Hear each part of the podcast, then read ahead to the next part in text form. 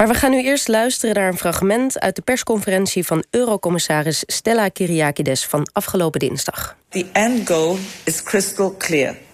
A cage-free environment for millions of animals. A cage-free environment will be a benefit for all. For animal welfare is not only an ethical issue. It does improve animal health, it slows down antimicrobial resistance and it improves food quality. Ja, een kooivrije landbouw, dat is het einddoel. Zo stelde de eurocommissaris dus eerder deze week. Nu moet er een begin gemaakt worden en in 2027 moet het helemaal afgelopen zijn met het opsluiten van dieren in kooien. Volgens historicus en directeur van World Animal Protection Dirk-Jan Verdonk is dit een belangrijke breuk. En hij is hier om dat toe te lichten. Welkom. Goedemorgen. Uh, ja, wat maakt uh, dit precies zo revolutionair in jouw ogen?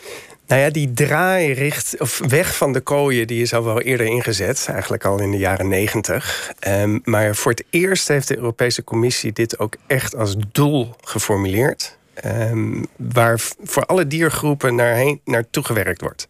En dat is echt nieuw. En, en uh, gaat het dan ook echt gebeuren? Nou ja, dit, de Europese Commissie die heeft aangekondigd met uh, gedetailleerde wetsvoorstellen te komen uh, in 2023. Um, en vervolgens gaat het natuurlijk door het hele proces. Er moeten ook uh, de lidstaten akkoord en het parlement. Het parlement zal wel, uh, wel akkoord gaan, want die heeft de Europese Commissie ook echt gevraagd hierom. Uh, de lidstaten, dat is natuurlijk afwachten, want er staan grote belangen op het spel. Ja, dit, dit klinkt, dit duurt nog wel eventjes. Hè? Zo dit duurt nog wel even. Maar even terug naar die kooien. Wat, wat, wat hebben we het dan over kippen en nertsen? Of heb, gaat het om alle dieren die in een kooi zitten? Ja, het gaat om alle dieren die in kooien zitten, die voor de voedselproductie in Europa worden gehouden. Uh, dus dan heb je het inderdaad over legkippen, over zeugen, over uh, konijnen, over kwartels, maar bijvoorbeeld ook over uh, kalfjes die nadat ze bij de moeder weg worden gehaald in van die eenlingboxen een aantal weken staan voordat ze naar de kalvermesterij gaan. Ja, en wat is dan een kooi? Want je noemt nu allemaal beestjes of beestjes, dieren op die, die een verschillend formaat hebben. Dus die passen niet allemaal in hetzelfde hokje. Dus wat is, hoe is dat omschreven? Wanneer is iets een kooi en wanneer niet? Ja, dat is een goede vraag. Dus daar is niet een officiële definitie van.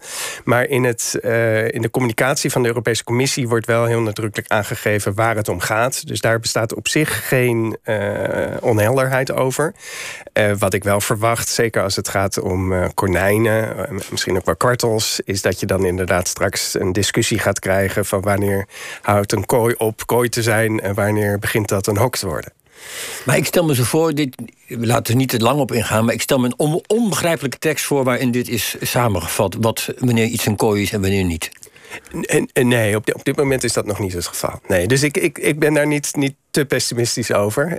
Um, ik, ik, denk dat de communicatie van de Europese Commissie eigenlijk heel, heel helder is. Uh, dus het is, het is duidelijk waar we naartoe streven. Hè. Als je kijkt bijvoorbeeld naar, naar zeugen, die staan echt in kooien waar ze hun kont niet kunnen keren. Die, die gaan uit die kooien. En dat besluit is op een uh, bijzondere manier tot stand gekomen... naar aanleiding van een burgerinitiatief. Hoe is dat precies gegaan?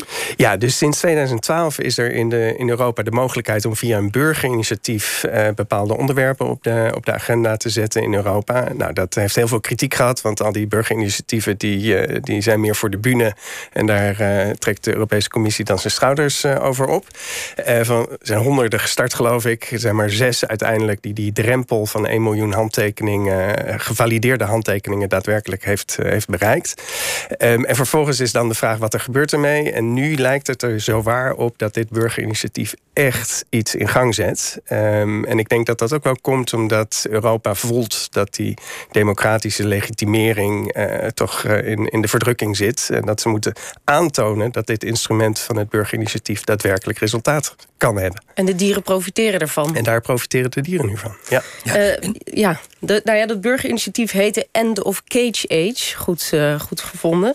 Het einde van het kooi-tijdperk. Um, als we even de geschiedenis ingaan. Wanneer, wanneer begon dat kooi-tijdperk voor jou? Want begin 20e eeuw was het nog niet zo gebruikelijk. Nee, de, de, zeg maar de grote verkooiing die begint in de jaren 60. Um, maar je ziet dat al wel voor de Tweede Wereldoorlog aankomen.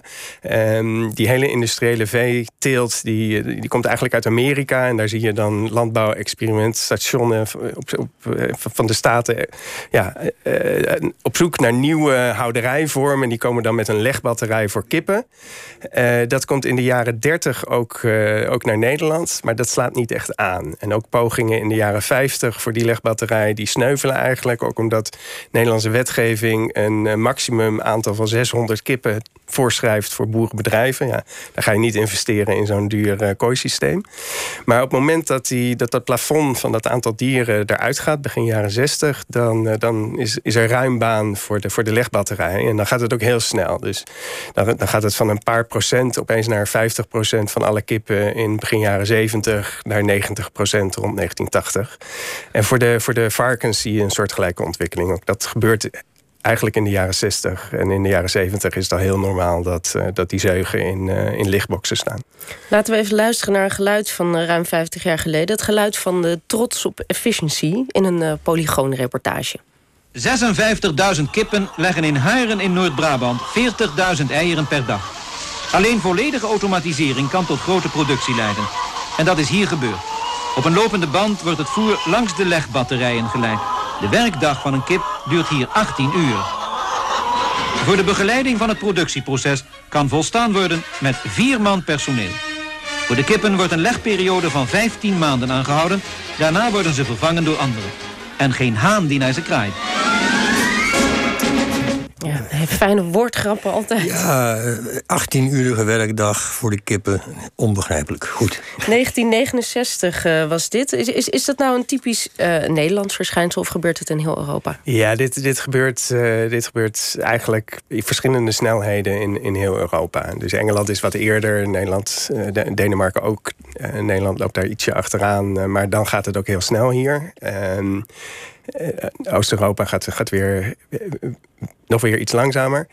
Um, maar ja, dus dit, dit, is, dit is het systeem geworden in de Europese veeteelt. En vervolgens is dat ook naar, naar andere delen van, van de wereld uh, geëxporteerd.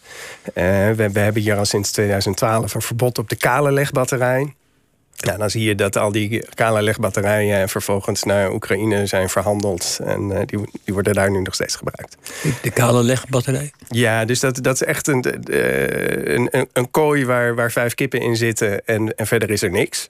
Uh, de tegenwoordige kooien in de Europese veehouderij in de legsector... die, die moeten dan nog wat, wat maar, frutsels hebben. Een, een, een, we, we stokje om op te zitten en zo. We hebben dus nu, laten we zeggen, humane kooien.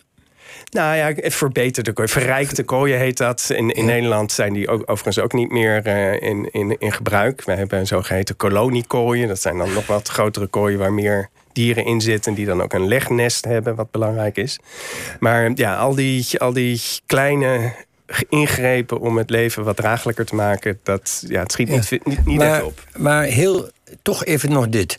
Als je nou denkt, die kooien moeten straks weg gaat dan het hele productiesysteem ook veranderen? Want daar kan ik me eigenlijk niks bij voorstellen. Al die boeren die met duizenden kippen zitten... of met hoeveel varkens zeggen... oh, oké, prima jongens, dan doen we die kooi weg... en dan gaan we gewoon die beestjes weer de wei in. Dat gaat niet gebeuren, denk ik. Dus wat gaat er wel gebeuren? Ja, dat, dat is een goede vraag, Jos. Um, deels denk ik dat de hele vee-industrie ook gaat krimpen. Dat, dat zie je nu al. Frankrijk heeft dat laatst aangekondigd. Nou, in Nederland is natuurlijk hevig debat over de omvang van de veestapel. Eh, maar in, in Nederland gaan we de vleeskippen bijvoorbeeld uh, beter houden de komende jaren. En dat betekent ook waarschijnlijk een krimp van 10, 20 procent van de, van de veestapel. Dus, dus deels zal het daarin zitten. Um, en deels gaat het dan toch ook weer om intensieve systemen zonder kooien. Ja, dus het, het leidt wellicht ook tot een langzame eliminatie van een bepaald soort uh, landbouw en veeteelt. Veeteelt met name in dit geval uh, veehouderij. Nou, in die richting, die richting gaat het wel op. Ja, dat denk ik ook. Ja.